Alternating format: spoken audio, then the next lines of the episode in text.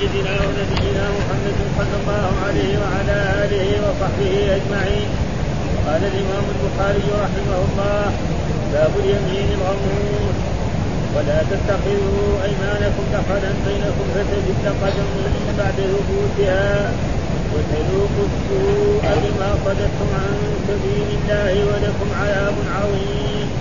دخلا مكرا وخيانة قال حدثنا محمد بن مقاتل. قال, قال أخبرنا النضر قال أخبرنا شعبة قال حدثنا فراس.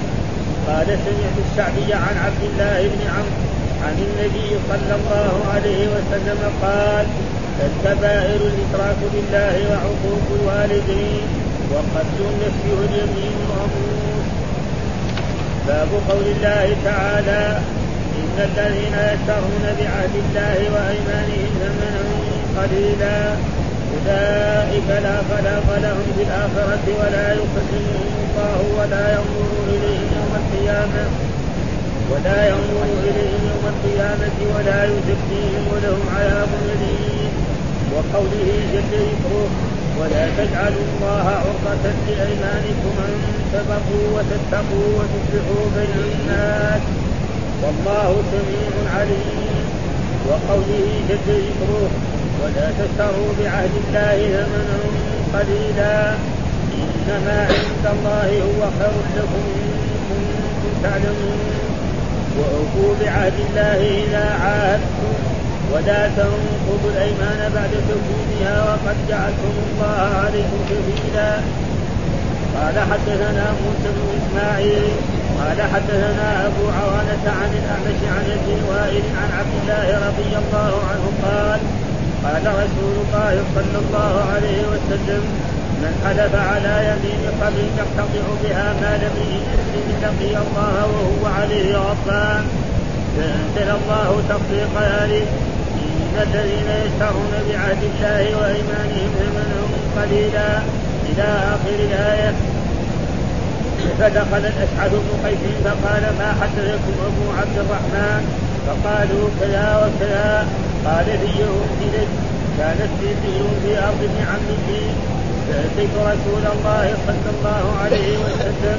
فقال بينته أو يمينه وسئل ان يحلف عليها يا رسول الله. فقال رسول الله صلى الله عليه وسلم من حلف على يمين قبر وهو فيها فاجر يقتطع بها ما لم مسلم لقي الله يوم القيامة وهو عليه غضبان.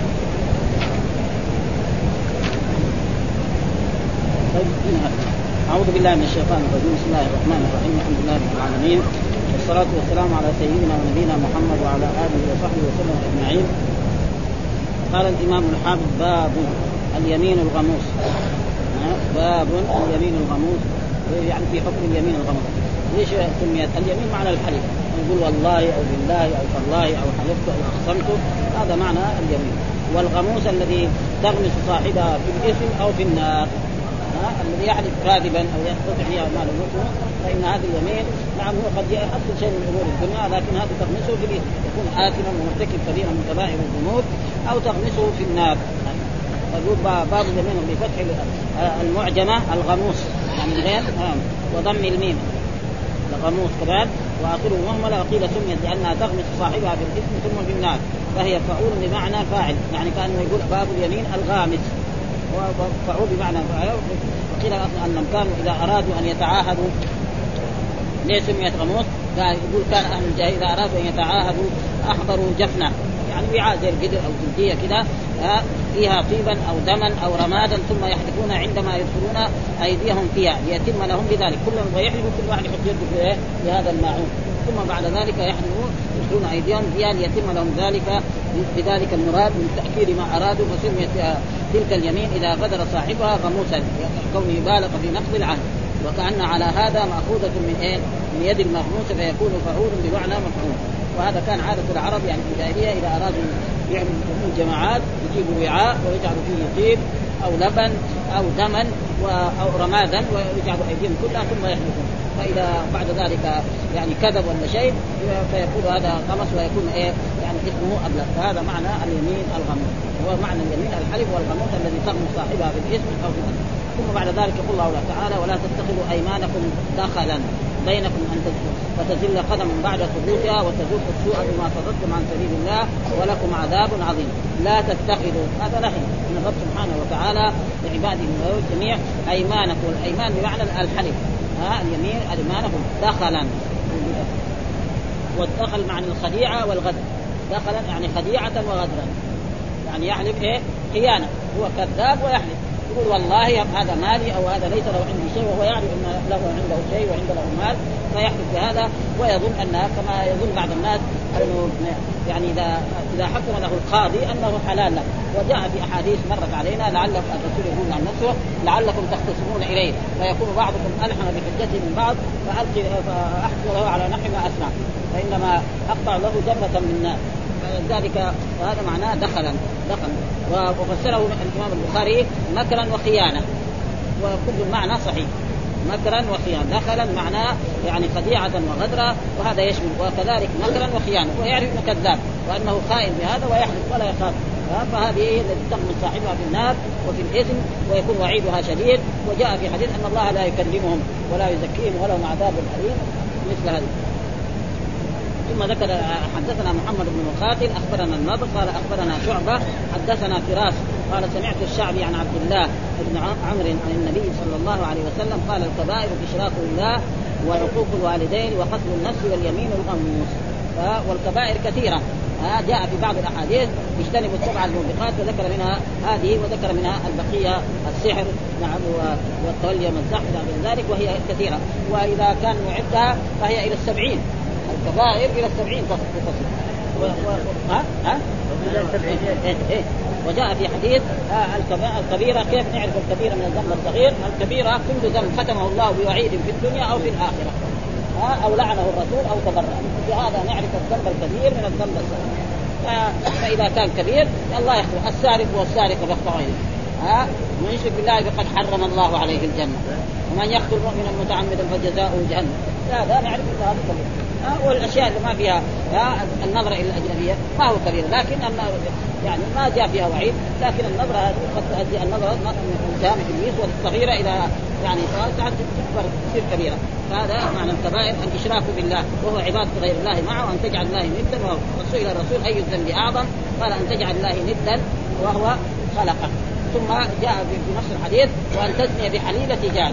الزنا حرام لكن الزنا بزوجة الجار أعظم جرما من إيه؟ من الزنا بمرأة في جهة بعيدة عن عن عن لأن جار يخرج وهو يدخل إلى بيته ويعمل فلذلك جعلها الرسول مع الشرك يعني ما سئل اي الذنب. قال أن تجعل الله ندا وهو خلقه وأن تزني بحليلة جارك بعدين وعقوق الوالدين. وعقوق الوالدين ذنب كبير جدا و... والله أمر يعني بر الوالدين والاحسان إليهم كما جاء في آيات كثيرة. ويمكن الله ذكره بعد حقه. وقضى ربك ألا تعبدوا إلا إياه وبالوالدين إحسانا. ها وصل الإنسان بوالديه حسنا. إن جاهداك على أن تشرك بما ليس لك به آيات كثيرة يعني ها وقتل النفس. جاء في حديث برضه لا يحل دم المسلم إلا بإحدى ثلاث نعم السيد الزاني والنفس بالنفس والتارك لدينه المفارق واليمين الغموس وهذا محل الشاهد. يعني الحديث سيق لكلمه اليمين الغموس، إيش اليمين الغموس؟ اليمين الذي يحلف بالله كاذبا أو ليقتطع مال امرئ مسلم دون حق. آه فهذه تغمسه في الاسم آه ثم بعد ذلك تغمسه في النار فيدخل النار لأجل هذا الحديث ويظن إنه هو يعني اكتسب وهو في الحقيقة ما اكتسب ولذلك كانوا هذا يعني يتعاهدون يعني ذكر واحد حديث ها؟ يقول انها ويتم ذلك واليمين الغموس الذي ينغمس صاحبها بالاثم ولذلك قال مالك لا كفارة فيها. ها؟ يتوب إلى الله. واحتج أيضا بقوله تعالى ولكن ياخذكم بما عقدتم الأيمان. وهذه يمين غير منعقدة لأن المنعقد ما يمكن حله. المنعقد ولا يتاتى في اليمين الغموس البر أصلا. ولا تتخذوا أيمانكم دخلا بينكم فتزل قدم بعد ثبوتها كذا لأبي ذر وساق في رواية كريمة إلى عظيم. وقوله دخل دخلا مكرا وخيانة. وهو من تفسير قتادة وسعيد بن جبير أخرجه عبد الرزاق عن معمر عن قتادة قال خيانة وغدر. وأخرج ابن أبي حاتم من طريق سعيد بن جبير يعني مكرا وخديعة. وقال الفراء يعني خيانة. وقال أبو عبيدة الدخل كل امرئ كان على فساد قال الطبري معنى الآية لا تجعلوا أيمانكم التي تحلفون بها على أنكم توفون بالعهد لمن عاهدتموه دخلا أي خديعة وغدرا ليطمئنوا إليكم وأنتم تدبرون لهم الغدر يقول له أعطيك ولا أعطيك أو أعطيك بالمال حقك في وقت كذا وبعد ذلك هو يعرف من أول ما يبغى. ولذلك جاء في الحديث من أخذ مال الناس يعني يريد أن يطلبها اتلفه الله. ومن أراد يريد القضاء ربنا قضى عنه. واحد يبغى يتدين ويريد ربنا يستحق حتى والذي لا يأخذ. ان بعض الناس ابدا يأخذ حقوق الناس ولا يرد مهما فعل معه ما يرد ابدا برضه يعني فهذا هو الذي إيه؟ ها يا رسول قال الكبائر الشرك بالله وقول الكبائر الاشراك بالله. ذكر هنا ثلاثة أشياء بعد الشرك وهو العقوق وقتل النفس واليمين. رواه بلفظ الكبائر والإشراك بالله وعقوق أو قال اليمين والغموس شك هذا. ويحتمل أن يكون السائل من دون عبد الله بن عمرو والمجيب هو عبد الله أو من دونه. ويؤكد ويؤكد كونه مرفوعا حديث ابن مسعود والأشعث المذكور في الباب الذي بعده. ثم وقفت على تعيين القائل. قلت ومن يمين القانون وعلى تعيين المسؤول. فوجدت الحديث في النوع الثالث من القسم الثالث من صحيح ابن حبان وهو اسم النواهي. وأخرجه النضر بن محمد عن محمد بن إسماعيل العدلي فلم يخرجه مخطوط آه. وجاء في حديث اجتنبوا السبع واشار إن شاء الله. الحدود في شرح حديث ابي هريرة اجتنبوا السبع الموبقات إن شاء الله تعالى وقد بينت ضابط الكبيره والخلاف في ذلك وأن الذنوب صغيرا وكبيرا وأكبر كمان. ها؟ في الذنوب صغيرا وكبيرا وأكبر. والاكبر هذا مر علينا في دراستنا برضه جاء في أحاديث عن رسول الله صلى الله عليه وسلم كان إذا أرسل الأمراء يقول أنزلوهم على عهدك وعهد أصحابك. وأنزلهم على حكمك وحكم أصحابك. لا تنزلهم على حكم الله وحكم رسوله فانكم أن تغفروا ذممكم وذمة أصحابكم خير لكم أن تغفروا ذمة الله وذمة رسوله. هذا الأفضل ها؟ فمثلا يقول لا أنا أنزلكم على حكم الله. على حكمي وحكم حكمي. فلذلك حتى القضاة يقول حكمتم. ما يقول حكم الله. ها؟ يعني القضاة من يقول حكمت على القاضي فلان بكذا وكذا ثم بعد ذلك يجيب الأدلة. إذا يحتاج أدلة يذكر الأدلة التي ما يقول حكم الله؟ فلذلك فإذا في صغيرة وفي كبيرة وفيها أكبر. زي الزنا بزوجة الجار هذا من الأكبر. وكذلك مثلا آه، في الحديث الذي مر علينا يعني ينزلون على حكم على ينزلهم الحاكم على حكمه. ما ينزلهم على حكم. ويقول لك أنتم يعني هذول في ذمه ما يقول في ذمة الله.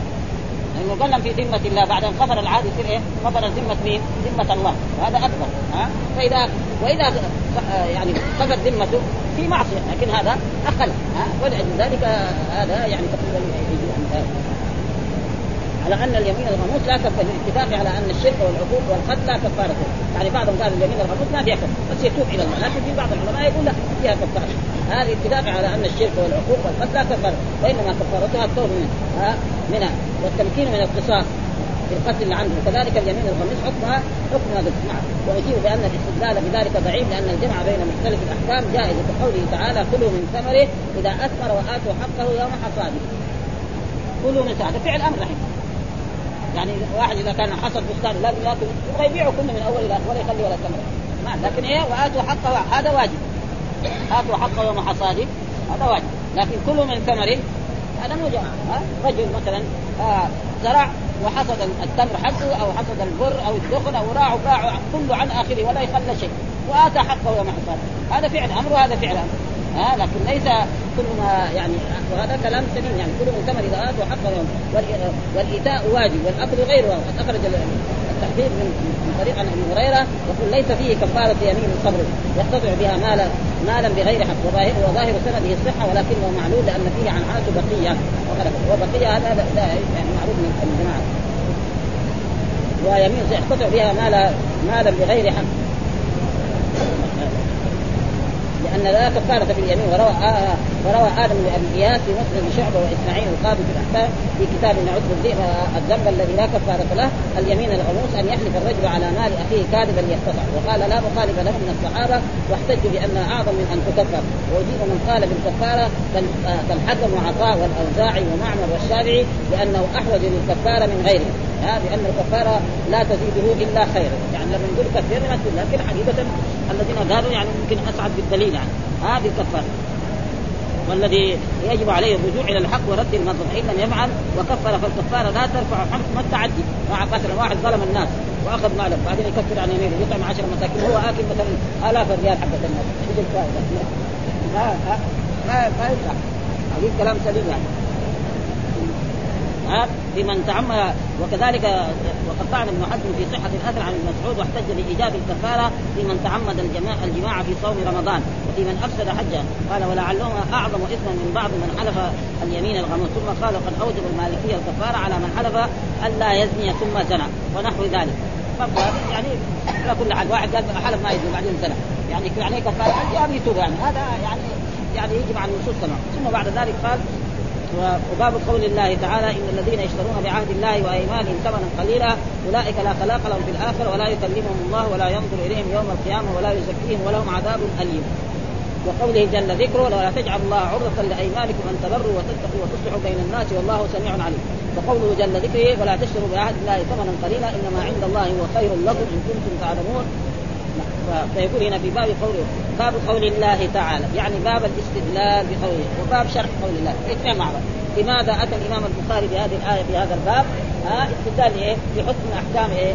الأيمان والدين الاسلامي وغيره، ولماذا؟ وشرح هذه الآية، فيقول الله تعالى إن الذين يشترون بعهد الله وايمانهم فالعهد اختلف العلماء هل هو يمين أو غير يمين؟ ها؟ ففي خلاف. والحافظ يقول إنه لما عطف الأيمان على العهد فهذا دليل على أن العهد ليس ايمان ولكن اليمين زي ما قلنا اليمين هذا إيه؟ يعني إذا قال لعمر الله أو يمين الله هذا قسم صريح. وإذا قال عهد الله هذا قد يكون يمينا وقد لا يكون يمينا. ولذلك إذا كان يعني القسم صريح يجب حذفه. إذا قال يمين الله يقول يمين الله إيه؟ مبتدأ ولفظ الجلاله مضاف إليه والخبر محذوف. قسمي. ولا يجوز واحد يقول يمين الله قسم وذلك لعمر إن من سكرته. لعمر إيه؟ قسمي. خلاص. أما إذا قال العهد العهد قد يكون يمين. فله أن يقول عهد الله علي. فيصير الخبر علي موجود. وله أن يقول عهد الله لأفعلن. ويحذف الخبر. ها؟ فلذلك والحافظ الحين يقول أن العطف يدل على المغايرة. في اللغة العربية دائما إذا واحد جاء محمد وخالد خالد ما هو محمد. معروف هذا. ها؟ كده. ها؟ فكأن الأيمان هي يمين والعهد ليس لكن التقسيم بينهم أن العهد يعني ما هو يمين صريح القسم والأيمان ثمنا قليلا. يعني يحلف بالله كاذب لأجل يختصر أولئك لا خلاق لهم. اي لا نصيب لهم. الخلاق معناه لا نصيب لهم في الآخرة يعني من الثواب من الأجر ولا يكلمهم الله. ها؟ ومعناه أنه جاء في أحاديث أن الله يكلم عباده المؤمنين. هذول ما يكلمهم. ها؟ ولا ينظر اليهم يعني نظرة رحمة نعم ويوم القيامة ولا يزكيهم ولا يطهرهم. تذكر معناه ولهم عذاب أليم. وهذا دليل على أن هذا إيه كبيرة من كبائر الذنوب أن الإنسان الذي إيه يحلف بالله ليقتطع مال المسلم بدون حق فإن هذا له عذاب أليم. وهذا دليل على الكبير وأن أن اليمين الغموس إيه كبيرة من كبائر الذنوب. فقال لهم عذاب أليم. ها؟ وعيد هذا شديد. البقرة ها؟ ها؟ ها؟ ها في آل عمران إيه. وقوله جل ذكره ولا تجعل الله عرضة لأيمانكم أن تبروا وهذه هذه في في المائدة ها؟ ها؟ هذه هذه من ولا تجعل الله عرضة لأيمانكم أن تبروا وتتقوا وتصلحوا بين الناس والله سميع عليم. هي هذه في البقرة. ولا تجعل الله عرضة لأيمانكم هذا كذلك نهي. لا. لا هي تجعل الله عرضة لأيمانكم أن تبروا مثال لذلك رجل يحلف يقول لا أنا لا أفعل الشيء الفلاني. مثلا لا أدخل دار أخي أو دار ابني أو دار صديقي أو لا أفعل لا لا أحسن إلى إلى إلى قريبي الفقير هذا عمي أو عمتي أو خالتي يقول له شيء أحسن إليه. يقول له أنا حلفت ما يبغى يحلف إيش اللازم عليه؟ يحنث يكفر عن يمينه وي... وي... ويفعل الخير ويفعل البر ها وجاء في أحاديث مرت علينا إن الرسول لا أحلف على يمين ولا غيرها خير منها إلا كفرت عن يمين وفعلت الذي هو خير فهذا معنى لا تجعل الله عرضة لأيمانك. مثال ذلك رجل يحلف يقول أني لا أصل فلان أو لا أحسن إلى فلان أو لا أفعل الشيء الفلاني فنقول له طيب أهل يقول أنا حلفت. ما أبغى احنس لا احنس في يمينك وأفعل الخير. هذا ها؟ أن تبروا. هذا البر معناه أن يحسن إلى ذلك الشخص اللي حلف عليه وتتقوا وتصلحوا بين الناس يقول أنا لا أكلم فلان. والله حلفت لا اكلمه يقول له طيب كلمه. يقول لا أنا ما اكلمه ما أبغى. إيش اللازم عليه؟ يكلمه ويكفر عن يمينه. لأنه هذا هذا هذا وجاء في أحاديث يعني تنهى عن ذلك. لا يجوز للمسلم أن يهجر المسلم فوق إيه؟ ثلاث. وخيرهم الذي فيقول أنا لا أكلم أخي أو صديقي لا أزوره أو لا أكلمه أو لا فهذا ما ينبغي للمسلم. فإذا فعل ذلك إيش الواجب؟ أن يبر فإذا قال لا أنا ما أبر. أنا ما أفعل لأني حلفت. كما يفعل كثير من الناس العوام وكثير من النساء المتعلمين. كذا يساوي يقول لك أنا حلفت ابدا. ما يصير هذا. الحكم الشرعي أن تكفر عن يمينك وتفعل الذي هو خير وتصل قريبك أو تصل اخاك أو أو تزوره أو تدخل داره أو إلى غير ذلك من الأشياء. وتصلح بين الناس والله سميع عليم والله سميع لكل إيه؟ ما تعملون عليم. وقوله جل وكذلك والاستدلال بقوله جل ذكره نعم ولا تشتروا بعهد الله ثمنا قليلا. ها بعهد الله وهنا العهد كأنه إيه؟ يعني في هذه الآية كأن العهد يعني الأيمان. بعهد الله فيه. انما عند الله هو خير لكم. ما عند الله هو خير لكم إن كنتم تعلمون. ثم قال وأوفوا بعهد الله إذا عاهدتم. وأوفوا بعهد الله إذا أوفى.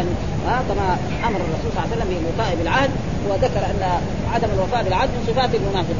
كما جاء في أحاديث صحيحة عن رسول الله صلى الله عليه وسلم آية المنافق ثلاث إذا حدث كذب وإذا وعد أخلف وإذا اؤتمن قال وإذا خاصم فجر وإذا عاهد غدر هذا من والنفاق زي غير ما مر قلنا أن النفاق يعني عملي واعتقادي.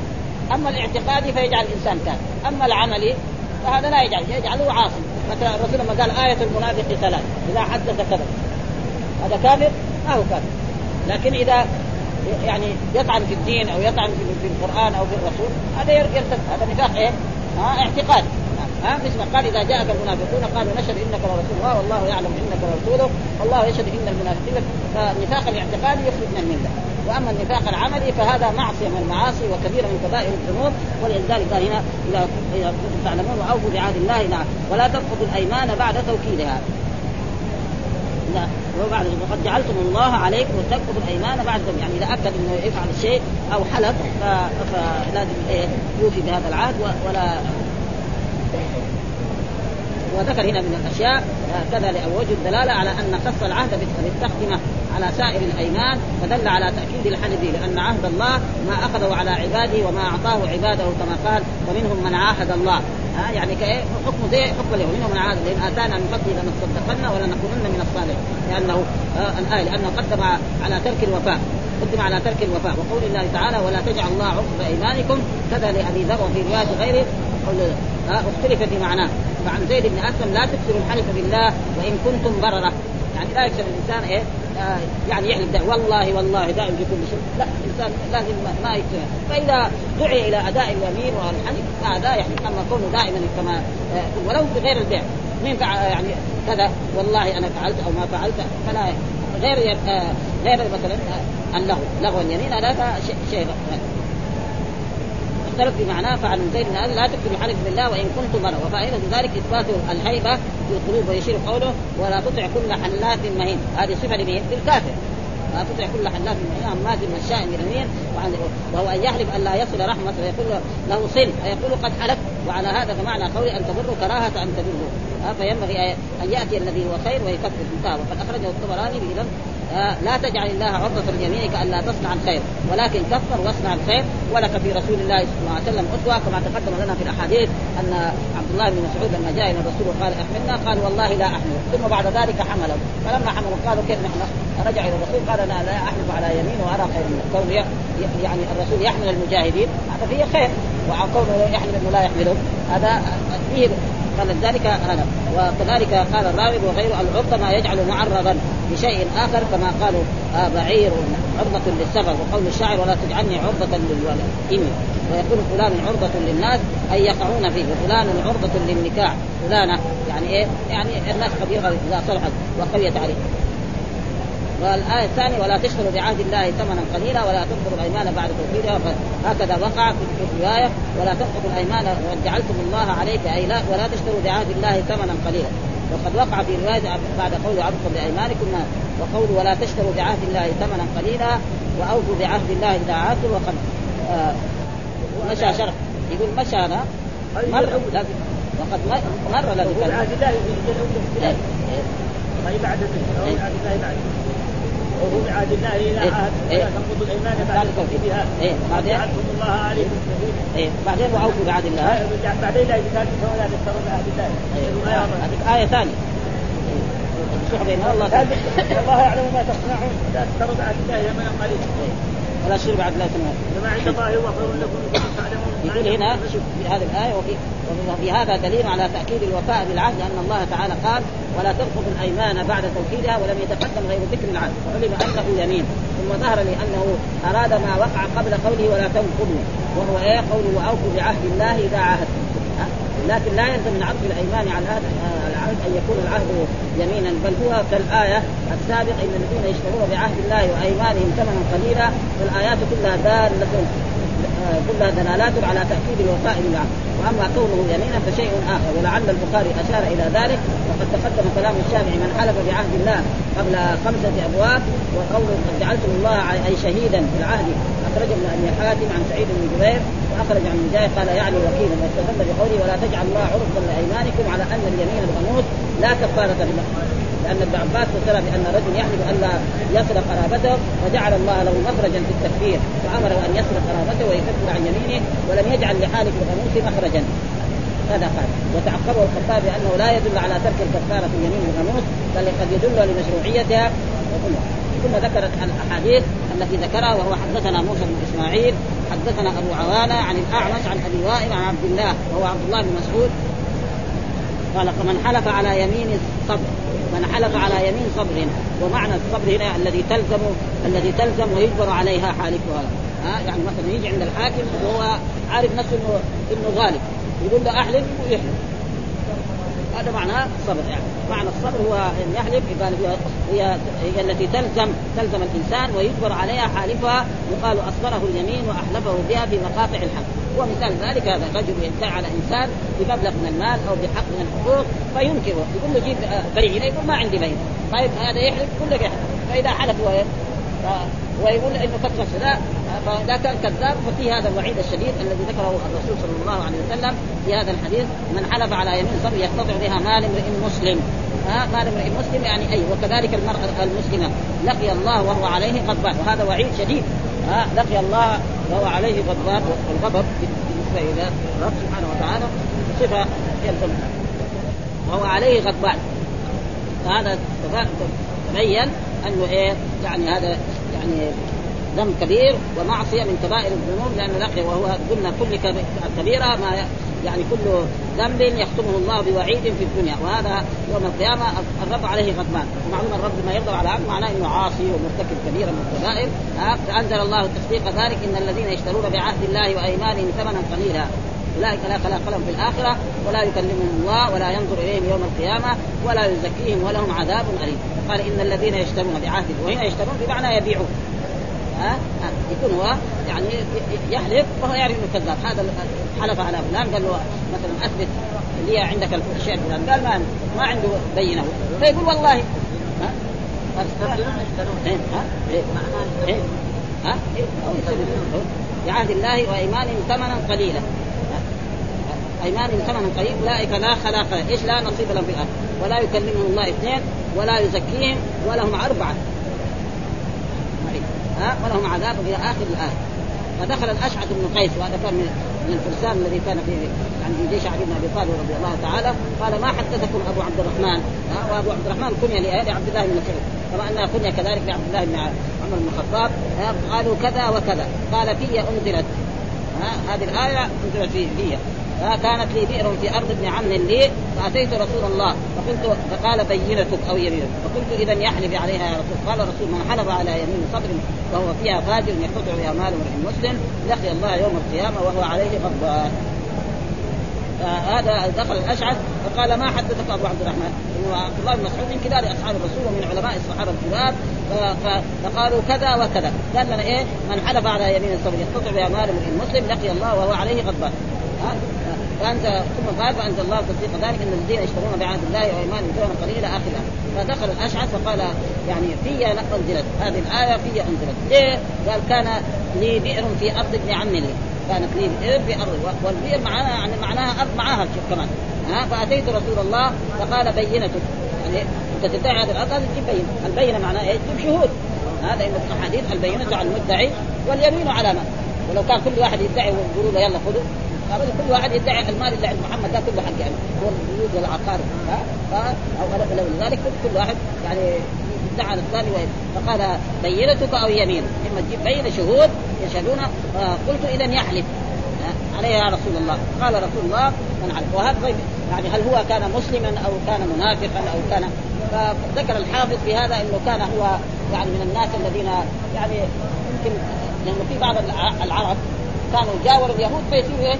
يصيروا يهود مثلهم ها زي ما هنا كان مثلا بعض العرب اللي كانوا من أوس الخزرج أو غيرهم صاروا في أعمالهم. فلأجل ذلك والا لو كان هو مسلم من الصحابة ما يحني الصحابة كلهم عدول فهذا أحد شيئين إما أنه هو يهودي ومعلوم أن اليهود مع المسلمين يعني مع الأنصار سنين طويلة معهم بينهم رحم وبينهم صداقة وبينهم بيع وشراء وخصوصا في الجاهلية. فقال إذا يحلف عليها فقال من حلف على يمين صبري. وهذا محل هذا وهو فيها فاجر يعني كاذب يقتضي مال المسلم لقي الله يوم القيامة وهو عليه غضبان. فحكم من ذلك انه هذا يعني تقريبا وقد تقدم تفسير تفسير آل عمران أنها نزلت في من اقام سلعته بعد العصر فحلف إيه؟ آه كاذبا. وتقدم أنه يجوز أنها نزلت في الأمرين معا. ولعل الآية لم تبلغ ابن أبي أوفى آه إلا عند إقامته السلعه فظن أنها نزلت في ذلك. أو أن القضيتين وقعتا في وقت واحد فنزلت الآية واللفظ عام متناول لهما ولغيره يعني لما تنزل الآية في حكم شرعي ممكن بس هذه كل شيء مثلها كذلك. فقال صدق لكي والله واللام للتأكيد دخلت على دخل العلي فيه. والمراد أن الآية ليست بسبب خصومته التي يذكرها وفي رواية أبي معاوية في والله كان ذلك. وزاد جرير عن منصور قال ابن مالك لقي لقي والله لفي والله نزلت لفي والله نزلت على جواز توسط القسم بين جزئي الجواب وعلى أن اللام يجب وصلها بمعمول الفعل الجوابي بئر. وفي رواية أبي معاوية أرض. وزاد الاسماعيلي أن أبا حمزة تفرد بقوله بئر وليس كما قال. في أرض ابن عمي كذا نؤكد أن الخصومة كانت في بئر يدعيها الأشعث في أرض لقسم وفي رواية أن كان بيني وبين رجل من اليهود أرض. شو قال هنا؟ صرح إنه بي إيه أرض. فجحدني. ويجمع بان المراد أرض البئر لا جميع الأرض التي هي أرض البئر. والبئر من جملتها. ولا منافاة بين قوله ابن عم لي وبين قوله من اليهود. أن جماعة من اليمن كانوا تهودوا لما غلب يوسف ذو نواس عن اليمن فطرد عنها الحبشة. فجاء الإسلام وهم على ذلك. وفي هذا المقصود قد تقدم في الشرك أن اسم ابن عمه المذكور الخشيش ابن معدان ابن وبينت الخلاف في ضبط الخشيش وأنه لقب واسمه جرير. المقصود يعني إن هذا في خلاف. رجل من حضرموت فذكر قصة الأشعث وان ان مكنته من اليمين ذهبت أرضي وقال من حلف وذكر يعني الأحكام الشرعية سواء. فاذا حلف وهو كاذب هو ياخذ الأرض ولكن بعد ذلك تشيل المصائب وتروح يعني ولو هو يعني الآن يقول كذب فالعاقبة يقين وكذلك اليهود كذلك يقول ليس علينا في الأميين سبيل. يعني إذا أخذنا مال العرب هذول الأميين لأنه اميين أما مال اليهودي مثلا يرى إنه حرام لأنه هذول أهل الكتاب وما زي ما في القرآن ليس على الاميه يعني لو يهودي يأخذ مال عربي أو هذا ما في شيء. لكن مال اليهودي هذا لأنه هذول كانوا يسمون ولكن بعد ذلك الاميين هذول صاروا ليس ويأكدوا قولي مسلم أيضا في رواية الشعب الآية فأتيت رسول الله وخاصمته. فقال بينتك أو يمينك؟ ألك بين؟ قلت لا. فقال اليهودي أحد وفي رواية أبو فقال لي شهودك قلت ما ما لي شهود. قال فيمين. وفي رواية وكيع ألك عليه بين. وفي رواية جرير شاهداك أو يمينه وتقدم في الشهادات توجيه الرب وأنه يجوز النص ويأتي ناس قلت إذا يحلف عليها قال لم يقع. في رواية أبي حمزة ما بعد قوله يحلف وتقدم أنه يحلف بالنص لوجود شرائطه من الاستقبال وأنه يجوز الرفض. يعني. فقال رسول الله من حلف. وذكر حديث وقد بينت هذه الزيادة وقعت من حديث ابن مسعود. فأنزل الله وساق الآية. فانطلق ليحلف فلما أدبر قال رسول الله صلى الله عليه وسلم الحديث ثم بعد ذلك فقال النبي إن هو حلف كاذبا أدخله الله النار. فذهب الأشعث فأخبره القصة فقال أصلح أصلح بيني وبينه أصلح بينه يعني ما رضي قد يكون هو ما كان يعني كان. أصلح بينه. وفي حديث عدي بن عمرو قال القيس ما لمن تركها يا رسول الله؟ قال الجنة. لمن ترك يعني اليمين قال لا قال أشهد أن قد تركتها له كله. وهذا أيضا المقصود أنه يعني ما رضي بعد ذلك يحلف واعترف بالأرض. وأصبحت آه، ارضه وليس المذكور دلالة على تحريم حق الذمي بل ثبت بدليل آخر والحاصل أن المسلم الذمي ها لا يفترق الحكم في الأمر فيما في اليمين الغموس والوعيد عليها. يعني اليمين الذمي حكمه زي حكم المسلم. كل الاشياء وفي أخذ حقهما باطل وإنما يفترق قدر قدر العقوبه يفترق في قدر العقوبة بالنسبة. وقال وفيه غلظ تحريم حقوق المسلمين وأنه لا فرق بين قليل الحق وكثير في ذلك وكان وكأن مراده عدم الفرق في غليظ في غلظه التحريم. لا في مراتب في مراتب الغلط معلوم واحد يعني يأخذ. جاء في حديث مرة ولو كان يعني فراق ها عصا صغيرة أو حق الحرام هو حرام. قد صرح بالفرق بين القليل والكثير وكذا ما يترتب عليه كثير كثير المفسده وحقيره وقد ورد الوعيد في الحالف الكاذب في حق الغير مطلقا. وفي حديث أبي ثلاثة لا يكلمهم الله ولا ينظر إليهم الحديث وفيه المنفق سلعته بالحلف الكاذب أخرجه مسلم وله شاهد آه ورجل حلف على سلعته بعد العصر كاذبا. كمان بعد العصر هذا يكون أشد من إيه؟ من غيره. والحمد لله رب العالمين وصلى الله وسلم على نبينا محمد وعلى آله وصحبه وسلم.